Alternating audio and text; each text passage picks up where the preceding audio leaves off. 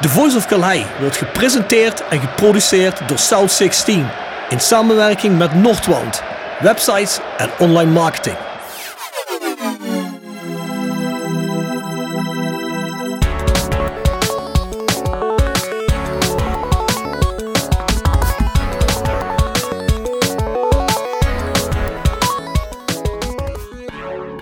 Goedenavond mannen. We zitten hier in de eerste aflevering van de reeds aangekondigde, wat kortere Voice of Calais afleveringen. Waar wij ons vooral concentreren op rode nieuwtjes, nabesprekingen en een reeks van andere zaken in het kader van het lopend EK voor ons Nederlands elftal en over dingen die ons opvallen bij het EK. We praten allemaal wel graag over voetbal, dus dat vonden we helemaal niet erg om te doen. Misschien bij een iets wat andere openingstune gewend. Dit is die voor de podcast waarin we van alles bespreken, waarin we een reguliere podcast niet zo snel toekomen. Die kun je voorlopig op de plek van een normale podcast horen. Ook deze podcast kun je gewoon onder The Voice of Calais vinden op Spotify, iTunes, Soundcloud en allerlei andere platforms waar podcasts gestreamd worden. Verder zullen we met deze podcast vanaf het reguliere seizoen Voice of Calais naar onze Petje.af pagina gaan. De Petje.af pagina is een pagina die achter de paywall zit. Wat wil zeggen, we proberen een klein beetje meer geld te genereren voor de podcast. Zodat we meer dingen kunnen doen. Want ja, we zijn nog van alles van plan met de podcast. We proberen een beetje geld voor te genereren. Daarover een later tijdstip meer. Maar dat zal allemaal online komen. Eind juni, begin juli. Dan weet je in ieder geval, een van de zaken die je daar zult kunnen vinden is deze podcast met eh, als vaste host Jasper, Bart en mij. En wellicht hebben wij door het seizoen ook nog allerlei gasten die een beetje mee willen praten over het rode gebeuren en andere zaken waarover we spreken. Ik ga jullie niet te lang ophouden. Verder hebben we nog de Sweet 16 Peachy Blond Bier. De voorverkoop is gestart. Ga die orderen in onze South 16 shop. En vergeet zeker niet, Section Frietenboer prijsvraag. De snackopstelling, die kun je vinden op onze Instagram en op onze Facebook van South 16. dan moet je raden welke gasten welke snacks opgegeven hebben. Die zie je mooi in opstelling staan. Bekijk het plaatje en stuur hem in. Degene met de meeste goede antwoorden wint de 25 euro snackbar te goedbon voor zijn favoriete snackbar. Dus stuur vooral antwoorden in. Al weet je er maar twee of drie of vier of misschien maar één. Try your luck. Zend hem in. De online shop waar je ook de Peachy Blond kunt krijgen, dus de Sweet 16, is south16.com. Kun je met dat deal betalen. Dus vrij handig, staan ook een hele hoop nieuwe merch in. En ons mailadres is net als bij de reguliere podcast, thevoiceofcalais at south16.com. Nou mannen, ik zit hier met Bart Oorlings en Jasper Klute. Hoe is hij? Ja, top. Lekker EK-voetbal begonnen. Iedere dag toch een aantal ja, bijzondere wedstrijden gezien. Laten we het bijzonder houden tot nu toe. Omdat er natuurlijk heel veel gebeurd is. Zowel positief als negatief. Dat is natuurlijk altijd wel een goede invulling van de zomer. Is beter als komkommertijd die het standaard is natuurlijk. Ja, zeker Jasper. En ik weet niet hoe het jullie zit. Maar ik vind het ook wel af en toe even fijn om niet een paar weekendjes te hebben waarin je niet in spanning zit over Roda. We zitten natuurlijk wel nog een beetje in spanning met hoe het nou allemaal verder gaat het komend seizoen. Maar echt de wedstrijdspanning die heb je nu even niet. En ik vind het Nederlands elftal leuk om te kijken. Maar de spanning en de lading die erop zit, vergelijking met de wedstrijd van Roda, die is toch wel even anders. Zeker, zeker, helemaal mee eens. Het is echt inderdaad een hele andere manier van er naar kijken, wat jij net al zei inderdaad. Gisteren Nederland was een hele leuke wedstrijd ook nog. Dus uh, om... nee, tot nu toe ook sowieso leuke wedstrijden bij de EK. Dat valt ook op. Nou goed, nou daar gaan we het zo meteen over hebben. Maar laten we beginnen bij Roda. Jasper, wat is volgens jou het nieuwtje van de week? Nou ja, natuurlijk niet heel lang zoeken. Als je vandaag bericht ziet dat René Trost gaat opstappen uit de RVC. Dus inmiddels ex-RVC-lid. Ja, waarom? Dat is natuurlijk de vraag die meteen opkomt. Ja, volgens de lezing van AD Martijn Wismans en de voorzitter van de RVC, Joop Jansen, zouden de functies uh, maar moeilijk met elkaar verenigen zijn. Dat is de officiële lezing. Het bijzondere daaraan, Jasper, is ook nog wel dat nog geen week geleden, eigenlijk op algemene ledenvergadering van 1962, Martijn Wisman toen bekend werd dat René dat jeugdtrainerschap ging aannemen, juist werd gezegd dat dat geen enkel probleem was. Ja. En, dat, en dat maakt dan nu de officiële lezing ook wel onderscheidt René, die wat ik natuurlijk begrijp. is altijd een persbericht waarin partijen in goed overleg tot een bepaald standpunt zijn gekomen. Ja, dat is toch wel heel raar. Dat er nog een paar dagen later dan dit naar buiten komt. Dat duidt op dat er meer speelt. En dat blijkt ook een beetje uit wat de pagina van de Limburger neergezet werd. Dat het toch weer rommelt. Ja, René Trost, hij vond de functie die hij had in de RVC volgens mij een gigantische eer. Dus ik had de indruk dat hij dat het liefst zo lang mogelijk wilde gaan voortzetten. En je ziet ook inderdaad, als we dan eventjes op het artikel, ik weet niet of we daar later op terugkomen nog, maar uh, dat Jeffrey van Alst het onder andere ook zeer jammer vindt dat René Trost ophoudt in de RVC. Ja, toch een beetje een klankbord te zijn voor Jeffrey van As. Nee, daar hebben jullie denk ik allebei een goed punt. Zover ik begrepen heb, ik heb nadat dat nieuws doorcijpelde, heb ik ook even met Bjorn gebeld. En we hadden allebei wel al een aantal zaken gehoord. Die speelden op de achtergrond. Die worden eigenlijk alleen maar bevestigd in een artikel wat Jimmy Lehner schrijft. Ja, goed, het schijnt toch dat met name de voorzitter van de RVC in ieder geval veel zelf besluit daar en weinig informatie deelt met, met zijn mede-RVC-leden. En zoals ze ook al genoemd staat in een artikel van de Limburger, is een redelijk breed gedragen gevoel. Dus dat was ons ook al te oren gekomen. Ja, kijk, mensen zouden kunnen zeggen, weet je Rob, mensen hebben altijd wel een agenda en mensen zeggen dan altijd wel iets en dat ze niet met iemand door één deur kunnen, maar dit komt echt van allerlei verschillende mensen met verschillende agenda's, om het zo maar te zeggen. Dus met verschillende achterliggende gedachten misschien, als ze die al zouden hebben. Dus als het uit allerlei hoeken komt, dan zal er toch wel iets van waarheid aan zitten. Ja, en het is hmm. natuurlijk een beetje problematisch, want we zitten hier net in een fase dat het al cruciaal is voor Roda een volgende stap te maken. En als je dan mensen hebt ja, die eerder het werken binnen een club bemoeilijken dan dat het gemakkelijker wordt, naar het schijnt is dat natuurlijk niet goed. Hè? En ik vind dat sowieso bizar. Kijk, als je inderdaad, zoals Bart zegt, in de ledenvergadering van Roda 1962 zit te vertellen dat het überhaupt echt helemaal geen probleem is. En nog geen zeven dagen later wordt er gezegd, het rijmt allemaal niet met elkaar, we moeten elkaar gaan. En ook correct wat Bart zegt, dan zal René Trost, die is zo loyaal als maar kan zijn club, die zal er ook nog niet over zeggen. Maar naar mijn mening zijn er toch misschien andere dingen aan de hand. Het is in ieder geval duidelijk dat de lezing die Rode JC hier geeft in het persbericht, dat dat eigenlijk wel broodje aap is. Rob, hebben Bjorn en jij enig idee wat dat dan voor informatie is? Je zegt net van hij, hij deelt niet alle informatie met zijn mede-RVC-leden. Hij een solistische tour zo gezegd. Waar oh. blijkt dat dan uit? Wat voor informatie deelt hij niet? Weten jullie dat? Heeft in ieder geval te maken met hoe de financiële situatie van de club ook verbeterd zou kunnen worden, bijvoorbeeld. We weten allemaal dat we in een positie zitten waar we nu naar het spelersbudget zijn aan het zoeken dat toereikend is om de volgende stap te kunnen maken zoals die gedefinieerd is aan het begin van het jaar. En dat kunnen we nu schijnbaar niet. Er wordt nu gezegd dat we uit, uit het sponsorgeld moeten halen. Nou, dat verhaal dat hebben we al gehad de hele vorige week. Ik geloof er persoonlijk niet zo in dat dat allemaal alleen maar uit het sponsorgeld kan komen. Dat zou wel moeten, maar gezien het verleden, het recente verleden en ook hoe het nu gaat, zie ik dat niet zo snel gebeuren. Dus kortom, het zal een seizoen één of twee of drie stappen terug moeten. Nou, we weten allemaal wat daar de hmm. gevolgen van zijn. Het mag duidelijk zijn, dat heeft ook al in de krant gestaan afgelopen zaterdag, dat er ook onder is op technisch gebied, dat Jurgen Streppel ook heeft gezegd, nou ja goed, ik wil wel een toekomst hier. Ik wil wel met iets kunnen werken waar ik ook iets mee kan.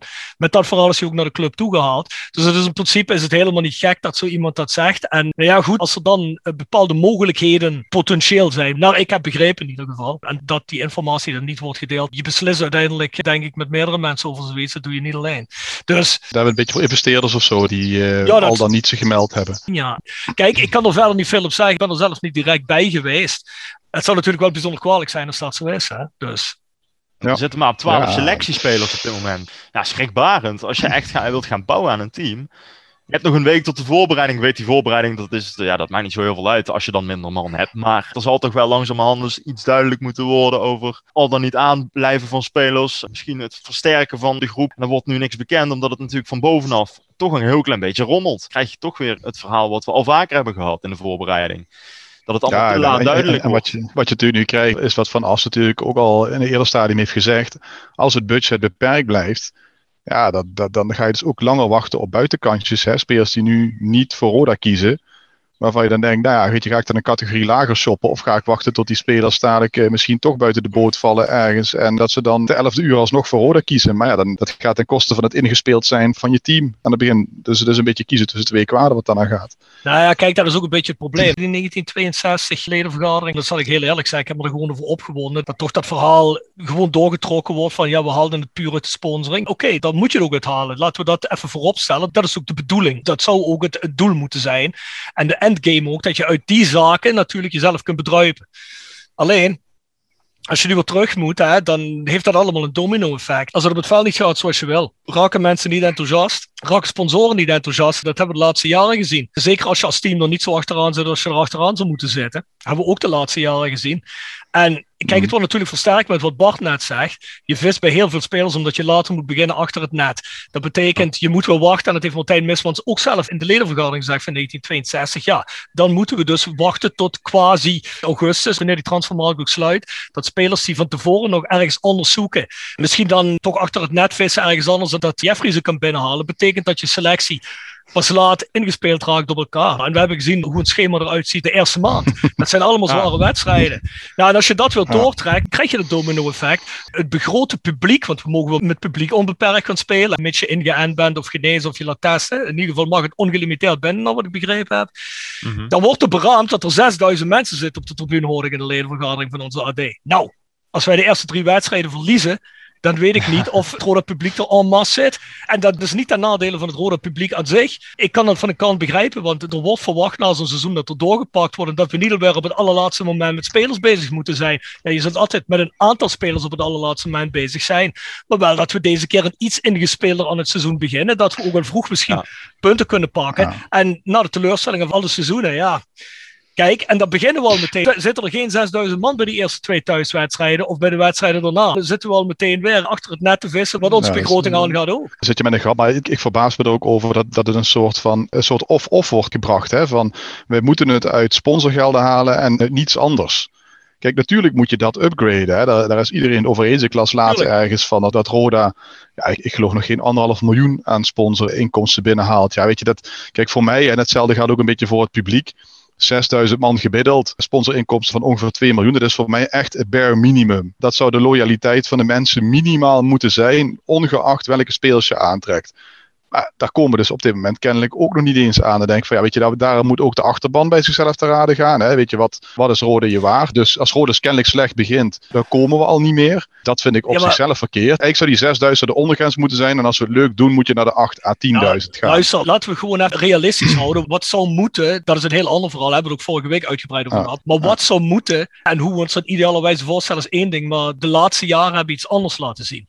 En ik vind, je moet een begroting maken op realisme, niet op wat je verwacht van wat de mensen zouden moeten doen. Nee, maar dat bedoel ik te zeggen ook op. Juist daarom moet je dus ook openstaan voor die andere inkomstenbronnen. Als je dat op dit moment kunt krijgen. Die moet je nu niet de deur gaan wijzen omdat je voor jezelf bepaald hebt van ja nee, het moet alleen uit inkomsten komen. En investeerders, die moeten we hier niet hebben. Nee, daar moet je ook mee in gesprek gaan. Juist omdat je weet dat het zo moeizaam gaat. En dat extra stukje inkomsten je nu net over die drempel heen kan helpen om wel die aanval te doen op misschien wel een rechtstreekse promotieplaats. In plaats van dat we weer moeten worstelen om net wel of net niet in de na-competitie te komen. Dat vind ik heel slecht als dat het geval zou zijn. Ja, Ik, zag die, ik zag de teller op van seizoenskaart volgens mij op 1500 staan nu.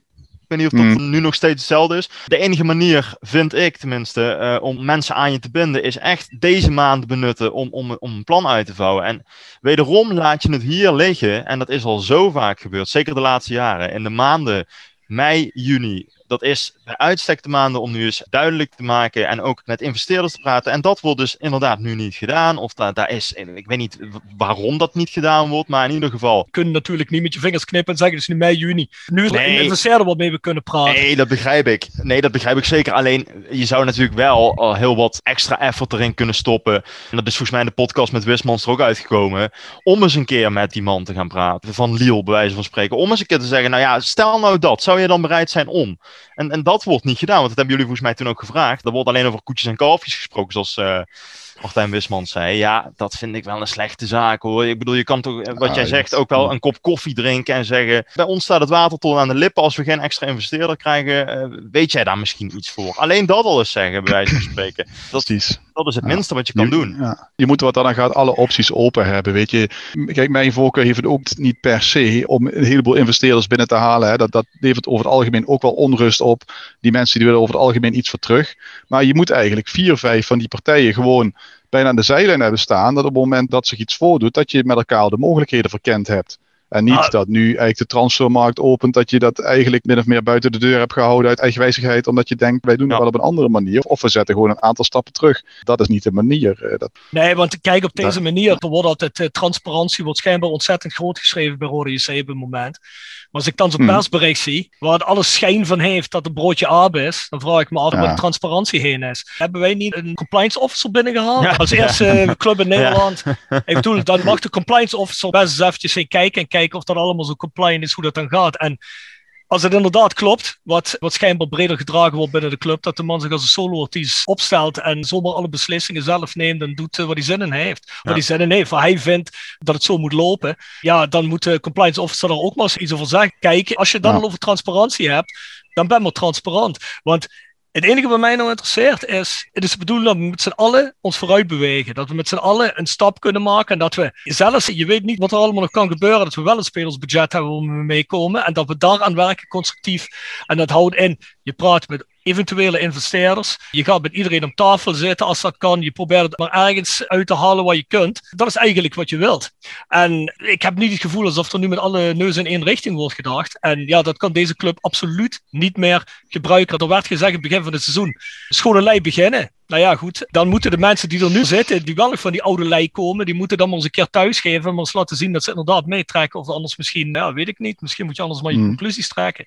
Ja. Ik vind het gewoon problematisch, want als alle geluiden die we horen vanuit Noord, als die klopt, dan zijn er toch mensen die niet echt helemaal bezig zijn met waar die club heen moet. En dat is eigenlijk, ja, ook een reden waarom wij überhaupt zijn begonnen in die podcast. Om de mensen te informeren en hopelijk met z'n allen een beetje meer eenheid te creëren dan met z'n met z'n allen vooruit. Op dit moment zie ik dat we de deur uitgaan. En los daarvan, ik vind ook gewoon het verlies van René Trost in die RVC, hè, los van hoe het dan gegaan is. Hè, dat was de man die het technische gedeelte coverde en het eh, publieksgedeelte.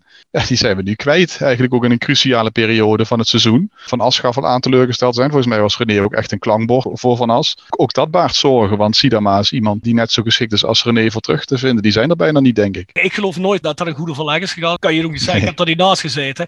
Maar volgens mij is dat niet gegaan onder het motto van, hey, allemaal super, we doen dat zo. Dus, want ze heeft zelf vorige week gezegd dat het geen probleem zou zijn. Dus het kan nooit goed zijn gegaan. Of op een, eh, ja, op een, op een normale Nee. manier, laat ik het zo zeggen. Weet je dan zeker dat je dat met René Tros wil doen? René Tros was net, wat jij zegt Bart, een man die de tribune ook vertegenwoordigde binnen het Roda gebeuren. Publiekslieveling. En iemand die misschien wel een groter rode hart heeft als wij allemaal samen. Dat is iemand die Hmm.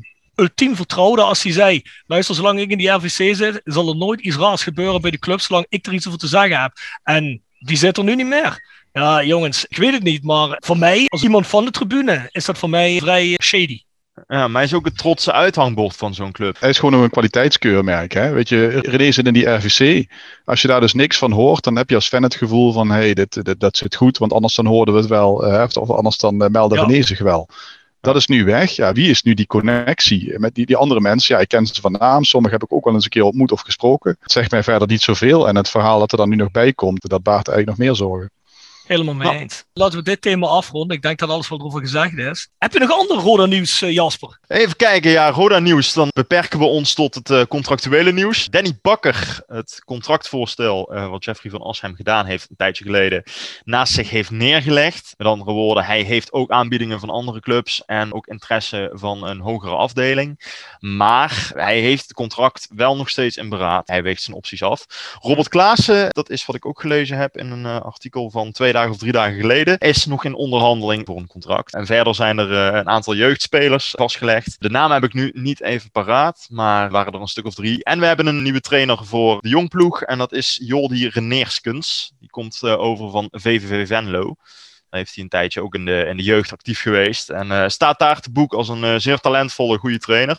Komt uit de streek, dus eh, kent de omgeving goed. Ja, positieve verhalen over. Dus dat is een positieve ontwikkeling. Ja, en René Tros natuurlijk onder 18. René Trost onder 18 inderdaad. Heeft al een ervaring met de jeugd en gaat dus nu weer terug naar die post van Hm. trainer als onder 18.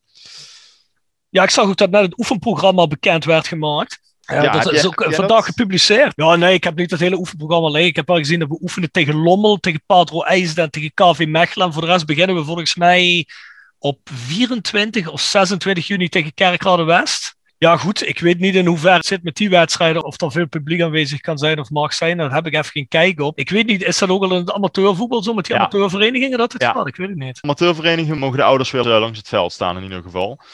Dus ik ga ervan uit dat dat dan eh, ook geldt voor de, voor de oefenwedstrijd tegen Kerkrade West-Roda op dat moment. Nee, dat is positief. Daar kun je wel naartoe als je daar eh, zin in hebt. Hey, maar voor de jeugdspelers die contract is aangeboden, ja, dat is Jimmy Vijgen, hè? Ja, Jimmy En- is de bekendste, ja, dat klopt. En ik zag dat er een jongen bij was die volgens mij heel even bij Feyenoord heeft gespeeld. En voor de rest volgens mij bij amateurvereniging in Den Haag. Ik kom ook even niet op zijn naam. Ze zijn natuurlijk wel Ja. fantastisch voorbereid hier. Ja, Maar, ja eh, nee, die jeugdspelers, ja, dat, nee, dat is mee van schoten eerlijk gezegd. Ja. Maar komen die nou echt voor de jeugdploeg, dus voor onder de 21, of komen die toch al voor een hoofdselectie toegevoegd worden? Nee, ik denk dat dat puur gaat om jeugdspelers. Als je ook kijkt naar de ervaring die de heren met zich meebrengen, ga ik er niet vanuit dat Roda daarvan zegt van joh, die gaan we meteen voor de leeuwen gooien en meteen in het eerste gooien. Dus ik denk dat dat echt een beetje type Safouane Aidar van twee jaar geleden en zo, die, die dan in de jong Roda eh, leuk gaan meeballen en dan misschien wel zicht hebben op eventueel eh, invalbeurten of op de bank zitten bij het eerste, maar meer niet. Of er zit misschien een Benji bij, hè? Ja, dat kan natuurlijk wel. Ja. Eerlijk gezegd, toen Benji de eerste wedstrijd zag voetballen, dat ik meteen wel zoiets had van, ik denk dat hij niet lang bij Jong gaat blijven. Want eh, die was al meteen wel redelijk aanwezig in de voorbereiding. Maar het zou zomaar kunnen dat er een pareltje tussen zit. We weten nooit. Ja, precies. Ook in dat kader bezien het misschien niet zo heel slecht zijn als je de eerste, of de eerste twee oefenwedstrijden tegen amateurclubs dat je wel echt wat van die jongens ook echt flink speeltijd kunt geven. Juist om, om zo iemand te ontdekken. Nee, zeker niet. En ik denk ook wel dat dat, dat op zich een goede zaak is om te doen. Hè? Die jongens als Juri Sende, die we altijd aan het begin van de van het seizoen in die, in die oefenpotjes zien. En uh, de Brian van Hovens, de, die linksback die jullie uh, de vorige keer niet uh, konden herinneren.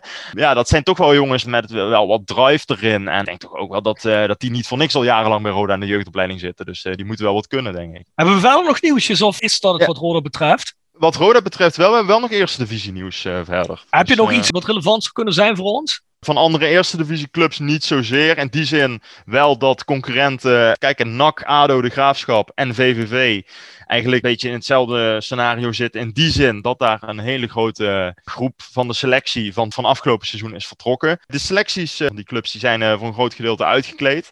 Vooral bij de Graafschap en VVV is een redelijk grote exodus van spelers geweest. Waardoor die uh, vrijwel opnieuw moeten gaan beginnen. Clubs als ADO, die zitten ook nog met een probleem, want die hebben nog geen investeerder en geen eigenaar. Dus die hebben ook waarschijnlijk nog grotere problemen aan de start van het keukenkampioen divisie seizoen. Dus de concurrentie loopt ook niet heel erg lekker op dit moment. Volendam? Volendam daarentegen is een club die redelijk heeft ingekocht met eh, het aantrekken van Robert Muren en Daryl van Miechem. Staan die garant voor een uh, doelpuntje of nou 40, zullen we het zo zeggen. Die hebben ook goede kern staan, dus dat uh, gaat ongetwijfeld een ploeg worden die bovenin mee gaat draaien. En ik denk ook dat de FCM zich daar zou gaan melden, want zoals het er nu naar uitziet gaan die niet al te veel spelers verliezen op enkele grootverdieners na. Ja, niet zozeer invloed, maar wel een leuk dingetje. Roda gerelateerd. Bob Peters wordt de nieuwe trainer van Top Os. Dus dat is wel iets leuks. Ja, oud spits van Roda natuurlijk. En dan een iets minder positieve Roda-herinnering. Leon Vlemmings. Die wordt aangesteld als innovatief manager van FC Dordrecht. Ja, dat vond ik wel, uh, dat vond ik wel iets grappigs. Nee, ja, precies. Ik weet ook niet wat innovatief. Die moet daar volgens mij de boel gaan uh, veranderen bij Dordrecht. Maar ja, Dordrecht kennende hebben ze daar ook niet echt heel veel centen voor. Misschien ook aanvullend op wat Jasper net aangaf. Ja, de rode nieuwtjes die volg je natuurlijk van meer van nabij. Maar dat, dat Rob aangaf dat we in deze podcast ook het gingen hebben over het uh, keukenkampioen divisie nieuws. Dacht ik ook van, nou, daar is me eigenlijk behalve die transfers bij Volendam niet zo vreselijk veel opgevallen. Dat ben ik ook even bij verschillende vrienden gaan navragen. En er is ook bij Rempel niet al te veel. Ik hoorde jou net zeggen, Jasper, Emme die raakt niet al te veel kwijt. Dat las ik inderdaad ook. Waar het niet dat er wel heel veel spelers daar onder contract staan die eigenlijk te duur zijn. Die nog wel steeds een contract hebben, maar waar ze denk ik wel vanaf gaan. Ja. Ik denk dat die wel een beetje in die situatie terechtkomen als wij na de eerste degradatie, dat je ja, mogelijk met een, of een veel te duur elftal blijft zitten, of dat je ze allemaal uiteindelijk tegen een zacht prijsje moet laten gaan. Wat ik nog verder heel opmerkelijk vond was Almere met onze grote vriend Gert-Jan Verbeek als trainer. Ja, heb ik ook gezien. Ben ik ook heel benieuwd, heel benieuwd hoe dat gaat uitpakken. Eh, qua transfers zie ik daar nog niet zo vreselijk veel verder uh, gebeuren. NAC is het wel heel onrustig met, ja, zoals ze noemen, de Haagse clan versus Ton Lokhoff. Ook daar kan nog best wel eens behoorlijk wat onrust gaan ontstaan, waardoor die ook nog wel eens een keer later op gang zouden kunnen komen. Dus het gras is bij de buren zeker niet groener. De Graafschap heeft volgens mij nog helemaal geen trainer. Die hebben wel onze oud-keeper Hidde Jurjes aangetrokken. Ja, ja, ja. ja, ja. Uh, ben ik ook niet zeer van onder de indruk. Nee, de graafschap heeft een blauwtje gelopen bij Adrie Polder vandaag van FC Groningen. Oh, die, uh, ah, dan ben je wel heel diep gezonken dan. Ja, die wilde die strik als hoofdtrainer. Die heeft bij Excelsior. Grote naam in de voetbal. Ja, dat is, nou, dat is wel een leuk verhaal. Dat is de, is de fysiotherapeut die als trainer begon op zijn 45ste. Ja, precies, ja. Jij haalde net NAC even aan. Daar is koffie gedronken met Dirk Kuyt. Alleen Tom nou. Lokhoff kennende gaat hij niet. Ma, ma, ma. Ja, ja, uh, ja Dirk Kuyt heeft zijn hoogste... niet in. Nee, maar die heeft zijn hoogste trainersdiploma gehaald. Die gaat nu eventjes lobbyen, zo heet dat zo mooi. Ah, ik zou het prima ah, vinden als hij daar aan de slag ging. Ja, ik ook. ik ook, ik ook. ik ben zeker dat dat een groter succes zal zijn als met Maurice Stijn, 100%. ja. jongen, jongen. En ter afronding, ik zag dat Excelsior wel inmiddels drie spelers had aangetrokken. Niet van enorme naam van Gassel, die zong nog wel een tijdje rond bij Roda. Plus nog twee andere jongens van Groningen en van, weet ik even niet. Dat moeten wel drie volwaardige basisspelers zijn. Dus dat is misschien nog wel een club, als we dan over inspelen hebben, met Volendam erbij en nu op dit moment de meeste namen hebben aangetrokken. Goed, mannen, laten we doorgaan met het DK. Kom, Wout, pak die beker! Onze die Nederland trots maakt, elke keeper moet in zijn legging. De goals zullen vallen, wanneer hij aanlegt van binnen of buiten de 16. Ja! 16. Oh, de goal! Wat een goal! Op het spoor van Wilbert Sufrein. It's coming home. Sta tornando a casa. Eva Galir, Det Comeriem, Diego vos favratje domoi, Vine a casa, Het komt thuis. U luistert naar de talen van de steden waar het voetbal letterlijk weer thuis kwam. Publiek werd, zij het in beperkte getalen, weer toegelaten tot een stadion. Heel Europa voelt zich als dat kind. Dat kind dat na een tijdje voor straf op de trap weer de woonkamer in kan. Nee, u luistert niet naar een standaard vertalingsprogramma of cursus vreemde talen. U luistert naar de boodschap van Euro 2020. Ja, echt Euro 2020. Want voor het eerst in de historie van EK's of WK's wordt een toernooi in een ander jaar gespeeld dan dat de titel zou doen vermoeden. Het met een jaar uitgestelde feestje voelt een beetje als het voorproefje voor het heropenen van de samenleving. Wij als voetballiefhebbers mogen weer naar huis. Keer op keer klonk er dit seizoen het verwijt dat voetbal zonder publiek niets voorstelt. Sinds vrijdagavond in Rome weten we weer waarom dit zo is. Het Italiaanse elftal in samenwerking met de Italianen op de tribune die het Fratelli d'Italia zingen. Of Andrea Bocelli voorafgaand aan het duel. Toen wisten we waar het voetbal zo lang zonder was geweest. Voetbal zonder publiek was relatief, maar wat er zaterdagmiddag in Kopenhagen gebeurde, zorgde er ineens voor dat voetbal met publiek misschien nog tien keer relatiever werd. Het drama rondom Christian Eriksen hield heel Europa van Baku tot Glasgow in zijn greep. Godzijdank maakt de Deense uitblinkerheid op dit moment goed. En tja, de Denen. Die sympathie hebben ze altijd al. Vind maar eens een onvriendelijke Deen. Morten Skubo en Mats Jonker blonken bij ons uit tot doelpunten, maar ook vanwege hun no-nonsense aanpak en sympathieke gedrag. Sinds zaterdag is voor mij de winnaar van Euro 2020 dan ook al bekend. De Denen. Ja, ze verloren met 0-1 van debutant Finland. De wedstrijd die natuurlijk nooit meer uitgespeeld had mogen worden. Ondanks het verlies hebben die Denen onder aanvoer van die fantastische Simon Kjær nu al de grootste indruk van Euro 2020 achtergelaten. Terwijl favorieten België en Engeland redelijk eenvoudig wisten te winnen, hield iedereen zijn adem in over het beruchte 5-3-2 systeem van onze eigen bondscoach Frank de Boer. De bondscoach die vanaf dag 1 als volksvijand nummer 1 door het land lijkt te gaan. In Engeland, de VS en Italië komen ze van het lachen niet meer in slaap bij het horen van de naam van de beste man. Na mislukte avonturen bij Crystal Palace, Inter en Atlanta United. En hoewel de media en wij supporters de 5-3-2 tactiek bij voorbaat al finaal hebben afgebrand, je krijgt bijna met hem te doen als hij voor de camera zich weer moet verantwoorden. Als een kind dat zich moet melden na het stelen van een snoepje. Of een man die tegen zijn vrouw uit moet leggen dat hij een andere verhouding heeft. Stoïcijns volgt hij als enige in ander plan ten opzichte van 15 miljoen mensen die voor drie weken ook even bondscoach pretenderen te zijn. Even leek het erop dat de boer met zijn systeem een gigantische lange neus kon maken ten opzichte van de rest van Nederland. Maar helaas, de Achilleshiel bleek maar weer eens de verdediging toen het van 2-0 2-2 werd. Totdat die Dekselse Denzel Dumfries Nederland volstrekt onverwacht naar die bevrijdende 3-2 zou koppen. We zagen iets wat we bij de boer bijna nooit zien. Een grote glimlach en twee gebalde vuisten die keihard yes riepen. De eerste EK-winst in 13 jaar was een feit. En of dat nu met een oogstrelend 4-3-3 systeem of dat verschrikkelijk behoudende 5-3-2 systeem is, het is ook de overwinning van Frank de Boer. De laatste keer dat een trainer met 5-3-2 succes had, haalden we een derde plek in Brazilië. Louis van Gaal werd van megalomane gek getransformeerd tot staatsheld nummer 1. Stiekem gun je het Frank de Boer dat hij hetzelfde lot ondergaat. Voetbal is weer waar het hoort, bij het publiek. En hoewel de Engelsen vaak zoals elk toernooi te vergeefs It's coming home zeggen, doelende op de eindzege voor Engeland, hebben onze Britse vrienden dit keer echt gelijk. Voetbal is home again. Supporters horen bij het voetbal. Goeie column Jasper. De drie momenten die jullie het meest opvielen. Nou, ik denk dat ik moment 1 van jullie allemaal kan raden. nee, ja, Chris, Christian Eriksen, nee, dat is natuurlijk een dramatisch beeld als je dat ziet gebeuren. Hebben jullie de wedstrijd live gezien? Ja, ja, ja, ja. Ik moet wel zeggen, wij zaten aan tafel, dus ik zag hem niet live omvallen. Ja, het was tijdens het avondeten. Maar het was natuurlijk vrij snel dat je aandacht getrokken werd door, door de commentaren en de, de appjes die stroomden binnen. Ja, weet je, het, het, gebeurt gelukkig niet heel vaak, maar toch wel zo nu en dan. En ik denk dat, dat, dat uh, Christian Eriksen van, van geluk mag spreken dat het hem nu gebeurde. Want uh, ondanks dat ik ook wel van mensen doorkreeg van nou dit gaat bij Simpelveld, gaat dit nog sneller. Uh, hoor je toch na afloop als je dan, uh, als er wat meer details vrijkomen, dat ze heel snel ter plaatse waren. Al bij ja, de eerste defibrillatie eigenlijk, dat ze hem alweer terug hadden. Maar ja, goed, weet je, ja, zo'n jongen staat er natuurlijk niet op en loopt van het veld af. Het gaat nog wel even door. Ja, ja goed, goed dat de regie natuurlijk gelijk uh, wegschakelde. En dan, dan is het voor ons het grote wachten ja. en de grote onzekerheid ja, dan is het toch wel een enorme opluchting dat je niet uh, live getuige bent bij een jonge jongen die in de bloei van zijn leven daar uh, dood blijft ja, op een veld. Maar dat, ja, dat, dat is wel aangrijpend als je dat ziet. Wat mij meteen bekroop was, wat is voetbal toch eigenlijk onbelangrijk? Hè? Want Denemarken-Finland, het was een feest vooraf. Volksliederen van de Denen, die, die, die hadden er echt zin in. Parkenstadion, mm. Kopenhagen. Ook voor hun is het speciaal, eigen land ook. En ja, dan uh, eerste helft, die ook nog best wel eens hard tegen hard ging. Het was echt wel een uh, flinke partij. Dat dan zoiets gebeurt. En ja, dat, dat besef je in één keer van jongens, we kijken naar 22 mannen die achter een balletje aanrennen. En uh, wat kunnen we toch blij zijn dat hij nog leeft en dat het gewoon naar omstandigheden goed, goed met hem gaat. Ja, inderdaad. Ja, ik zat het ook live te kijken. Ik zie hem naar die bal toe lopen die hij toegeworpen krijgt bij die ene gooi. En ik zeg, oh, die valt raar. Vreemd. Ja. En ja, ik vond het eigenlijk raar, want uh, volgens mij dacht die Finn die ernaast stond, dacht het eerst nog dat hij iets raars deed. Dat die scheidsrechter wel overtuigd dat hij vrije trap moest krijgen. Maar ze waren er al heel snel achter dat hij echt niet goed was.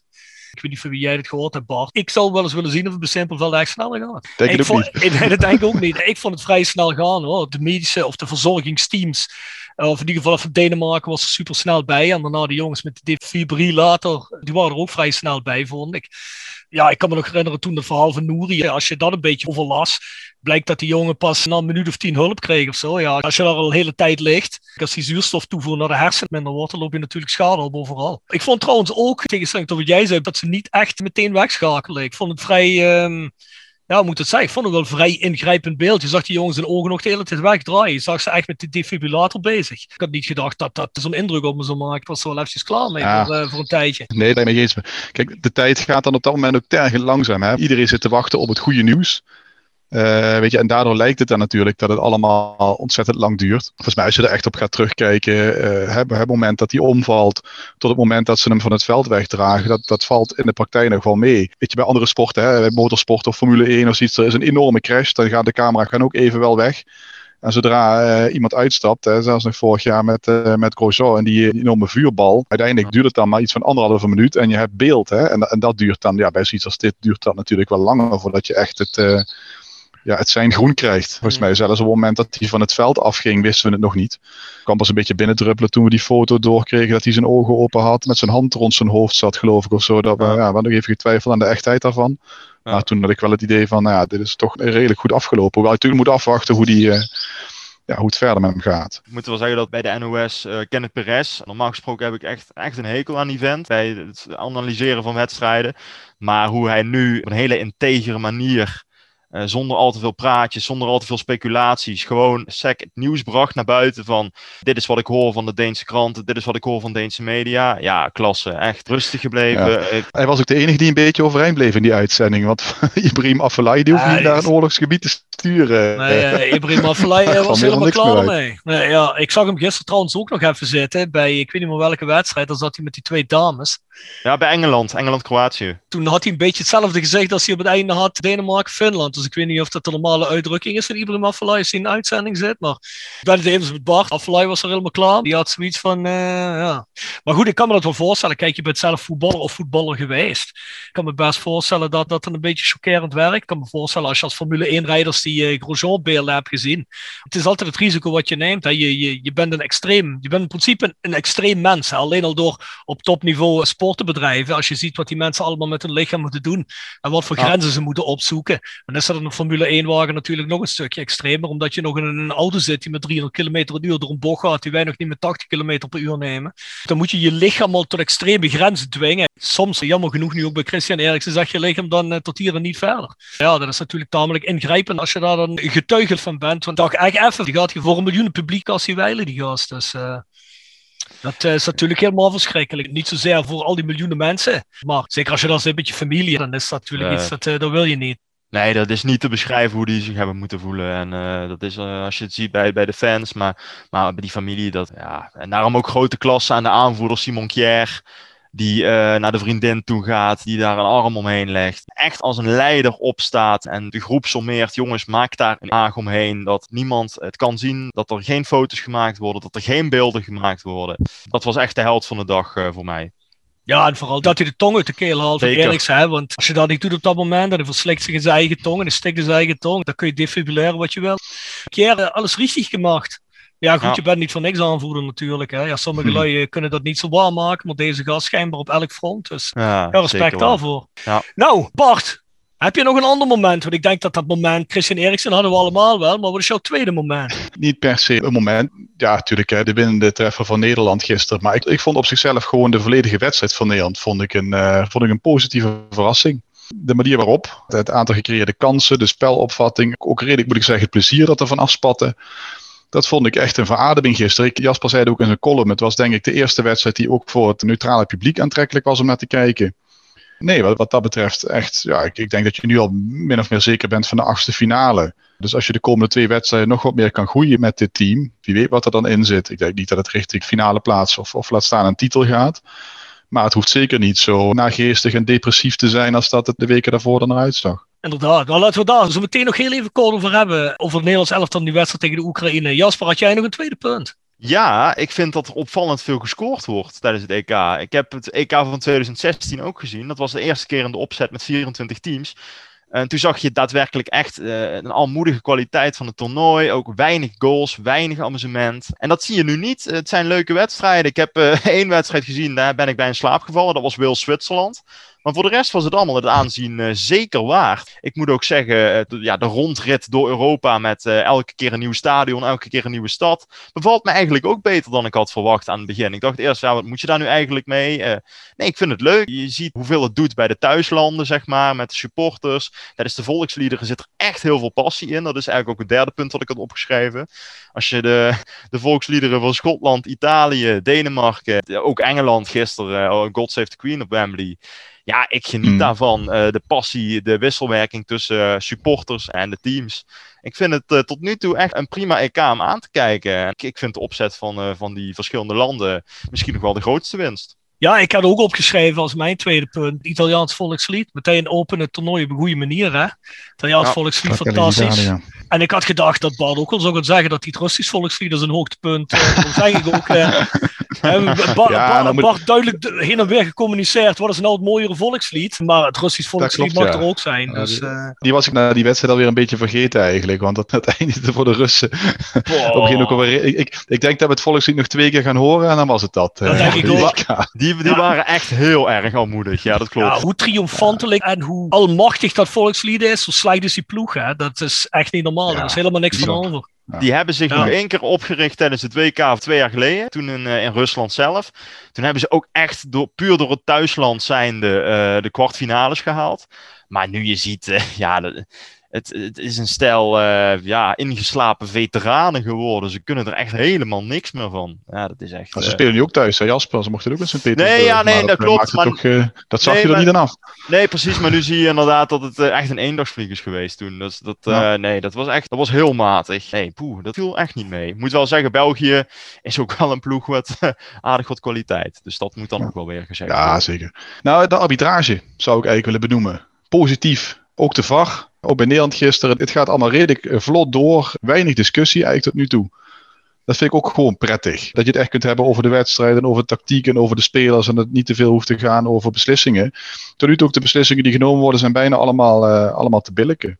Ja, ben ik het helemaal de, mee De VAR blijft van veel ja. dingen af. Dus ja, laat, laat dat vooral zo doorgaan. Ik vind dat ook Danny. positief opvallen wat jij zegt. De arbitrage is uitzonderlijk goed te behapstukken. Goed, gewoon. Ja. Ja, ja. Nou, maar laten we eventjes bij onze landgenoot daar eindigen. Want uh, Danny Makkely, uh, die had een hele goede wedstrijd gefloten, vond ik, uh, vrijdagavond. Liet heel veel doorgaan. De commentator zei volgens mij, hij zorgt dat de spelers geen loopje met hem nemen. Nou, zo was het ook echt rustig die wedstrijd fluiten. Als er iemand kwaad op je wordt, gewoon lekker blijven staan. Zo van uh, rustig aan. Ik heb hier de leiding. Nou, Danny Makkely ook gewoon goed gedaan. En ik ben ook benieuwd hoe, uh, hoe Björn Kuipers het gaat doen. Want dat zijn mm. de twee die uh, voor Nederland naar het EK hebben gemogen. Nou, ik was eigenlijk na het Italiaans volkslied wel klaar. Toen heb ik het uitgeschakeld. Dus. nou, die speelde echt heel erg goed hoor, de Italiaan. Nee man, ik heb die wedstrijd gekeken hoor, ja. als Nee, nee, nee. Maar ik vond, ik vond die echt heel erg goed spelen. Als je die goals ook zag, man. Dat was echt pure kwaliteit. En ik denk ook zeker dat die uh, minimaal halve finale gaan halen. Ja, je hebt net al gezegd, ja, Jasper, jij als punt 3 staan de volksliederen ook en de passie. Ja. Ik had als punt 3 staan. Ik heb toch nog altijd gemerkt dat er bij Engeland, als die jongens op hun knie gaan zitten, dat er toch nog altijd mensen in het stadion zijn die fluiten. Ik vind dat uh, ronduit bizar, moet ik zeggen. Of je vindt dat dat moet gebeuren of niet, dat is één punt. Maar als je ziet dat de reden is dat die jongens het doen om een punt te maken dat racisme wel degelijk iets is, ja, hoe kun je dat tegen fluiten? Tenzij je zelf natuurlijk racist bent. Dat is op zich sneu genoeg natuurlijk. Ik vind dat heel vreemd. Het gebeurde volgens mij bij de Engels elftal ook. Dus die oefenwedstrijden ingingen, toen was het veel erger. Maar daar heb ik zoiets van, ja jongens, je kan het ergens niet mee eens zijn of een ploeg dat nou doet. Maar je, je begrijpt toch wel als je er tegen fluit, dat je dan eigenlijk tegen het statement fluit. Dat vind ik vreemd. Vind ik ook niet thuis horen, vind ik nergens thuis horen. Ik vind het gewoon een vreemde instelling als mens. Ja. Helemaal mee eens. Ja. Zeker voor iets als Engeland of Groot-Brittannië, hè, die de hele wereld gekolonialiseerd hebben.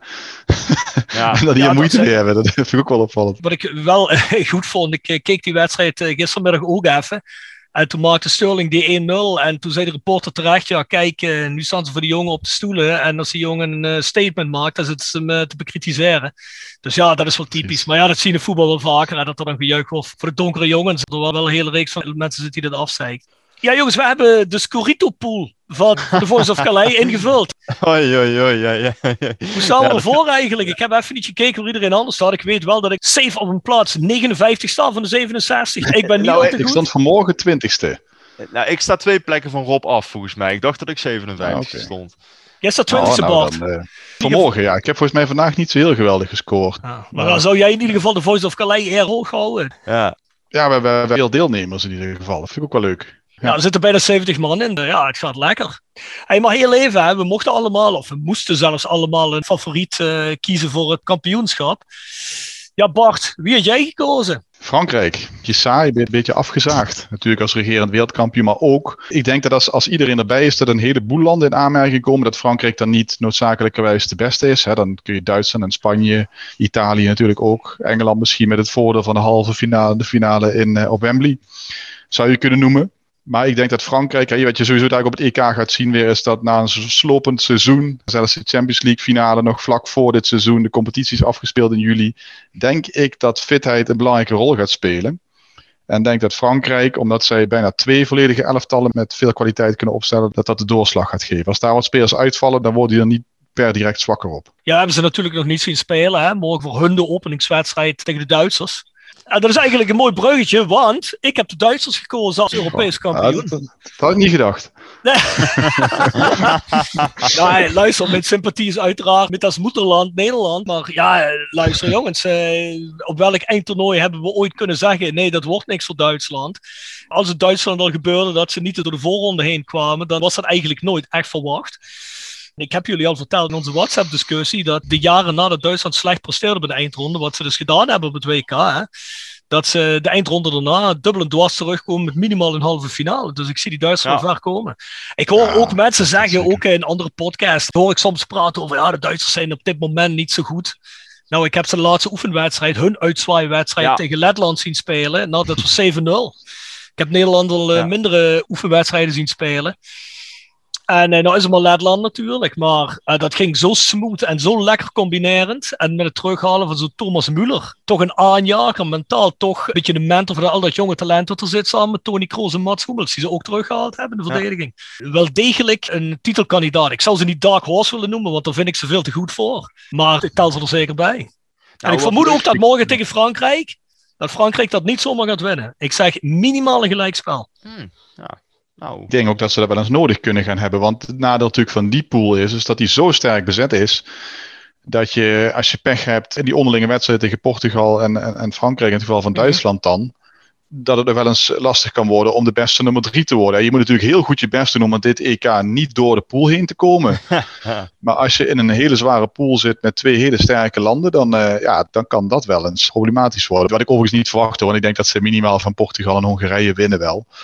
Eh, Ja. Maar ja, Frankrijk eh, ja, kan natuurlijk wel de toon zetten. Hè? En Duitsland is natuurlijk, denk ik, misschien nog wel aangebrander dan Nederland als het gaat ook om, om de discussie rondom het nationale team. Ook Leeuw, die natuurlijk toch behoorlijk wat kritiek heeft eh, te verduren gehad na het WK. En die is ook zeker niet onomstreden.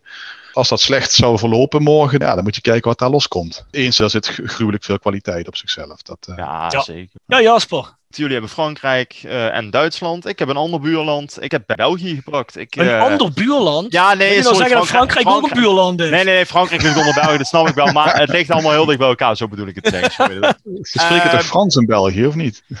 Ja, zeker. Dat is ook meteen altijd de grootste discussie bij de Belgen. Hè? Hoe gaan de twee kampen met elkaar om, de Walen en de Vlamingen? Ik heb voor België gekozen. Waarom heb ik voor België gekozen? Ja, iedereen heeft het over de Achilleshiel achterin. Maar er staan nog steeds gewoon hartstikke goede verdedigers. En als jij de aanval van de Belgen erbij pakt, als ik de namen Hazard, De Bruyne, Lukaku, Yannick Ferreira Carrasco, Volgens mij hebben ze ook nog broertje Azar die het goed doet bij Borussia Dortmund, naar mijn Mhm. weten. Ja, eh, die, die gasten hebben ook heel erg veel kwaliteit. Ze missen nu dan wel Wietzel, dat is dan wel jammer. En de Bruyne die met een oogkasblessure loopt, is nu wel weer het trainen. Maar de Belgen zijn nu al praktisch door in hun groep. Hebben met 3-0 gewonnen van de Russen. Zag er heel erg goed uit. Had veel meer kunnen zijn nog. De Belgen gaan 100% naar de kwartfinale komen. En dan is het afhankelijk of ze een heel sterk land eh, treffen of niet. Maar die kunnen echt hele hoge ogen gaan gooien. En het zal ook wel een keer moeten, want vergeten wel eens dat bij België spreken ze daar over de gouden generatie. Ja, zijn er bij het WK in Rusland al heel dichtbij geweest in de halve finale. Ja, het zou mij niks verbazen als, als Frankrijk toch een beetje eh, verzadigd is geworden door het succes in, eh, in Rusland twee jaar geleden. De Duitsers zie ik inderdaad ook ver komen, alleen niet zo ver dat ik denk dat ze Europees kampioen worden. Maar de Belgen hebben eh, zo'n uitgebalanceerde ploeg ervaring met kwaliteit, met scorend vermogen. Eh, ja, dan zeg ik gewoon, als die het een beetje bij elkaar weten te houden in die teamgeest eh, tussen, wat ik net al zei, de twee kampen, Walen en Vlamingen. Want dat is echt vaak een issue geweest bij de Rode Duivels. Dan gaan die het echt ver schoppen. Jasper, wat denk ik? Die Belgen altijd een probleem is, is het, het geloof dat ze het ook echt kunnen. Dat is, Dat, eh, dat, is, dat is toch, buiten inderdaad die, eh, de kwaliteit achterin, heb ik daar altijd een beetje idee van, in, in België, ze, ze durven er niet echt in te geloven. Maar Nederlanders natuurlijk al vrij snel, als wij een goede generatie hebben, dan eh, hebben we daar misschien een beetje te veel van. Luister, Ja. ik ben ervan overtuigd dat eh, België gewoon weer, zoals de Amerikanen het zeggen, gaan choken. Dat ze het eh, Ja. weer op het juiste moment laten afmeten. Wat dat betreft vergelijk ik dit België een beetje met het Nederland van Dennis Bergkamp, Ronald de Boer, die generatie, Jaap Stam. Die hebben het ook een aantal eindtoernooien laten liggen, terwijl ja, die hadden gewoon toen in, eh, in Frankrijk in 98 eh, eigenlijk Ja, wereldkampioen moeten worden. Ja. Eh, eigen nou, land, twee jaar daarna. daar laat je het echt compleet liggen natuurlijk. Als je die generatie kijkt, nou, als we het ooit over gouden generaties hebben gehad, nou de generatie van 78 en 74, dat was die toch wel. En dan vergelijk ik eigenlijk de Belgen een beetje mee. Ook uitzonderlijk talent, onomstreden, met Lukaku, een van de drie topwereldspitsen wel op dit moment.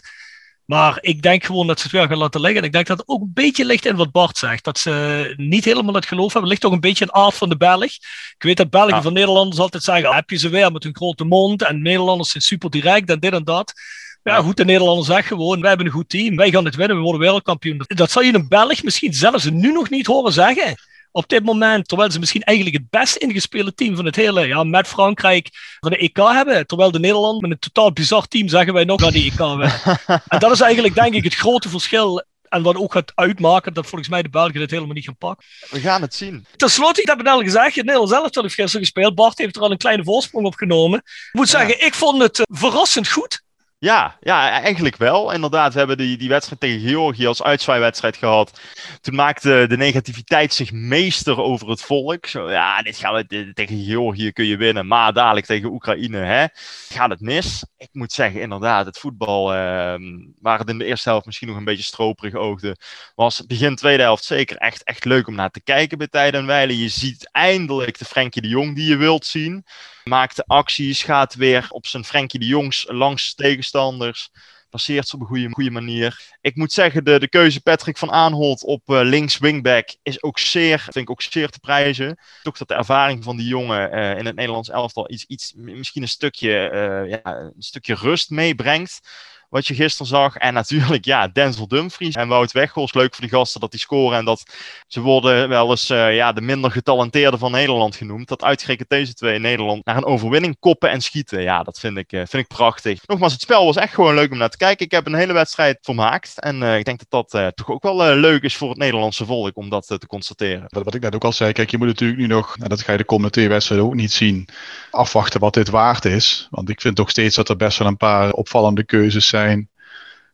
Als bijvoorbeeld nu de licht niet, niet meedoet en de, eh, Van Dijk is er sowieso al niet bij. En dan ben je Nathan Ake en dan speel je nog steeds niet. Hè, dan word je gepasseerd door een jongen die bij Ajax eh, volgens mij na de winterstop erin gestroomd is. Kijk, dat zijn dingen die blijf ik raar vinden. Maar desalniettemin, er zijn nog wel een paar van die keuzes. eh, Zag, zag het er goed uit. Ehm, en binnen coach heeft dan gelijk. Maar ja, de vraag is natuurlijk hoe goed was dit Oekraïne? De rest van de pool is ook niet al te zwaar. Maar je kunt op deze manier wel lekker erin groeien. Kunt een goed gevoel krijgen. Nou, misschien dat de licht dadelijk weer aansluit bijvoorbeeld. Dan heb je die, uh, die discussie achterin. Die lost zich ook vanzelf op. En dan zullen we moeten zien waar het schip strandt. Je hebt natuurlijk op het EK, als je van de laatste 20, 30 jaar gaat kijken, heb je natuurlijk Denemarken gehad. Een heel verrassende kampioen die niemand verwacht had. Griekenland. Ik vond vier jaar geleden Portugal, die ook heel slecht in het toernooi starten. Die, die komen uiteindelijk ook bovendrijven. Je ziet toch dat op het eind van zo'n lang en slopend seizoen, dat het altijd niet, niet helemaal logisch verloopt ja, dus, dus wie, wie weet dat, dat dit elftal, waar niemand rekening mee houdt, toch uiteindelijk in dit toernooi kan groeien. Ja, ik vond het heel positief. Behalve dat het leuk was om mee te kijken. Maar ja, daardoor was het ook leuk om mee te kijken. Er waren eigenlijk veel kansen gecreëerd, vond ik. Heel veel. Ja. Dat had ik eigenlijk niet verwacht. Ik vermoed wel dat de discussie rond het 5-3-2 systeem nou wel een beetje misschien niet over zal zijn, maar in ieder geval naar de achtergrond geschoven is. Want ja, heel eerlijk, vervang je, hoe heet je ook alweer, van Inter Milan achterin. De Vrij. De vrij. De Vrij, vervang je de Vrij niet. Pakt Van Arnold ook eruit, volgens mij. Hè? Ja. Ver, vervang je die twee niet, dus er volgens mij niks aan de hand, speel je die wedstrijd gewoon uit. Dan denk ik dat je het gewoon heel goed hebt gedaan tegen de nummer, wat was het, 4 Dat, of eh, 26 van de wereld. Ja, en Ja, dat zijn toch. Het zijn stukken ploegen dat normaal gezien. Hè? En als je ziet hoe gemakkelijk je dat toch kapot gespeeld krijgt. Want kijk, het ligt puur aan Dumfries. Eigenlijk het vizier niet helemaal op scherp hebben staan van Wijnaldum in de eerste helft. Dat je niet in de eerste helft met 2-3-0 voor staat. Oekraïne is er niet Ah. dan geweest. Kijk, 2-2 was echt een wonder. Ik weet niet of jullie een beetje déjà vu aan Roda hadden wel. Hè? Want toen die Ja, 2-1 viel, zei ik wel, ik was bij vrienden. Ik zeg, nou, hè, als, als, als het naar Roda was, dan wist je zeker dat die 2-2 viel. Huh? Ja, ik had hem niet uitgesproken, Ja. of ook die lag in een bandje. Maar ja, dat, dat sloeg Maar het was ook niet Roda, want er valt gewoon een 3-2. Dat gebeurt bij Roda niet. Nee, precies, precies. Dat, eh, dat, nee, dat is volgens mij vorig jaar niet voor elkaar gekregen. Terecht Eh, je zegt er straks, je staat eigenlijk met één been in de, in de, in de achtste finale. Laten we het hopen. Kan natuurlijk nog altijd fout gaan, maar ja, goed, drie punten zijn drie punten. Het moet wel heel raar lopen als je niet op zijn minst nog één punt haalt. En met nog één punt, dan word je toch zeker zit je bij die beste derde ploeg. Hè? Dus dat, eh, dat, dat Ja, zal zeker ja. moeten lukken. Ja, we hebben gisteren Noord-Macedonië ook gezien. Nou, daar hoef je echt geen Ja, zorgen die, om kunnen, te die kunnen er helemaal niks van. Nee. Die Die hebben van Duitsland gewonnen, toch? Ja, die hebben van Du- 1-2 eh, gewonnen van Duitsland in maart, inderdaad. Ja. Hoe dat gebeurde, is vraag ik me ook echt af. Het enige leuke aan die ploeg is Goran Pandev. Ja, dat, eh, Ja. dat, dat Ja, is gewoon leuk. dat die Leuk. jongen... Ja, nou ja, dus, eh, dat, dat verhaal is dan toch leuk, weet je. Out Dat- of curiosity reasons is dat leuk, maar niet omdat hij zo leuk speelt. Nee, natuurlijk. Maar voor zo'n land is dat ook leuk. Die teren hier, ik weet niet hoe lang op dat ze een keer mee hebben gedaan aan zo'n eindtoernooi. Dus dat is Nee, leuk. zeker. Het is voor ons wel echt de tijd uitzitten hoor. Ik zat voorbeschouwingen te lezen, weet je, en ik kwam ook het EK 88 voorbij. En je kunt je dat niet meer voorstellen, maar dat was een EK, daar deden maar acht ploegen aan mee. Ja, ja. Ja, Nou, weet je, de- Europa zag er ook wat anders uit. Je had wel minder landen, maar dat vind ik wat weinig. 16 vond ik eigenlijk een prima aantal. 24 is, is echt te veel. Het duurt te lang. Die hele Nee. opbouw eigenlijk tot in de kwartfinale, die, die is te lang. Ik vind het leuk voor die landen en ik snap best dat het commercieel oogpunt belangrijk is dat zoveel mogelijk landen vertegenwoordigd zijn om daar ook geld voor te vangen. Maar het wordt er niet beter op. En dat is wat jij zegt, Jasper, het valt dit keer meer mee dan vier jaar geleden. Maar het wordt nog een hele lange zit hoor, tot het, Ja, ik tot het ook. echt ergens ik, om ik, gaat. ik betrapte mezelf ook wel een heel klein beetje op dat ik zoiets had na die 3-2 gisteren. Ja, leuk, maar de echte euforie, nee, die is er niet. Nou, ik denk dat de euforie vandaag toch wel een beetje groter is als eergisteren, denk je niet?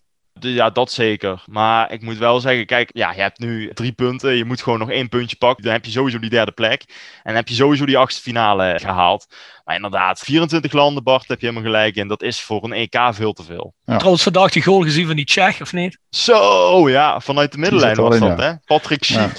Schitterende goal. Tsjech hebben me echt wel verrast trouwens. Dat, dat had ik niet verwacht dat die van Schotland zouden winnen. Dus eh, ja. Schotland is misschien net iets beter dan Noord-Macedonië, hè, maar Ja. dat moet ook niet, eh, niet Nee, groter maken dan het is. Oké, nee, dat is, ja, ja, ja. Wel leuk dat Hampton Park, dat ging helemaal uit zijn plaat. Dat vond ik dan wel leuk. Ja, ja, dat klopt. Dat klopt. Jongens, ik denk dat we er wel doorheen zijn voor vandaag. Nou, die is toch iets langer geworden als we gedacht hadden. Het zal de volgende keer iets korter zijn. Ik vermoed dat we niet zoveel Roda nieuws hebben de volgende keer als deze keer. Wellicht misschien wel ontwikkelingen omtrent het grote nieuws van vandaag. Even voorspellingen, jongens. Even snel. Uitslag Nederland-Oostenrijk. Bart, 3-1. voor Nederland. Ja. Jasper? Ik ga voor 2-1. Dan ga ik gewoon voor 1-1. Zullen we dat doen? Zijn we niet wel door, hè? Ja, zijn we door. Zeker. Wou net zeggen. Zeker. Ja. Even snel de sponsoren nog.